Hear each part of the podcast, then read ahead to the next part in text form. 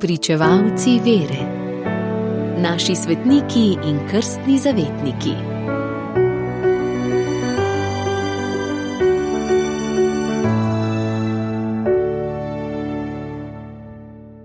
Danes, 8. decembra, je praznik brezmadežnega spočetja Device Marije. Papež Pi IX je 8. decembra 1854 razglasil versko resnico, da je bila blažena Devica Marija v prvem trenutku svojega spočetja obvarovana vsakega madeža izvirnega greha in sicer po edinstveni milosti in predpravici, ki jo je podelil vsemogočni Bog z ozirom na zasluženje Jezusa Kristusa, odrešenika človeškega rodu, to je od Boga razodet nauk in ga morajo zato vsi verniki trdno in stanovitno verovati. Glede Marijinega brezmadežnega spočetja sta bili v krščanstvu vedno živi dve misli, ki družita v sebi to versko resnico: misel o najpopolnejši svetosti Jezusove deviške matere in misel o novi, boljši Evi, ki je sveta in brezmadežna, kakršna je bila Eva pred izvirnim grehom. Spomin na dan, ko je sveta Ana spočela preblaženo devico Marijo, so v vzhodni cerkvi obhajali že v 8. stoletju. Na zahodu se je praznik pojavil stoletje pozneje, najprej na jugu Italije. Od tam se je praznovanje širilo po drugih deželah Evrope.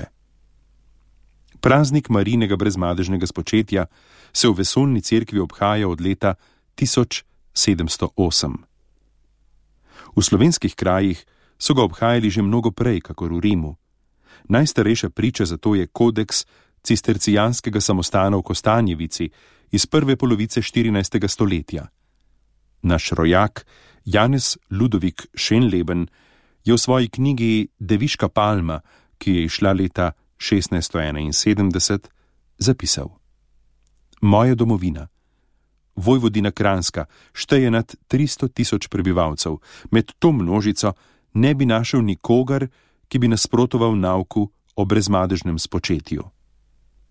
Zato ni čudno, da je mariborski škof, blaženi Anton Martin Slomšek, ob razglasitvi verske resnice o Marijinem zapisal: Veselo novico vam oznanjam, ki bo večno slovela, v čast in hvalo Bogu in Mariji, pa tudi nam, vernim otrokom Marije v to lažbo.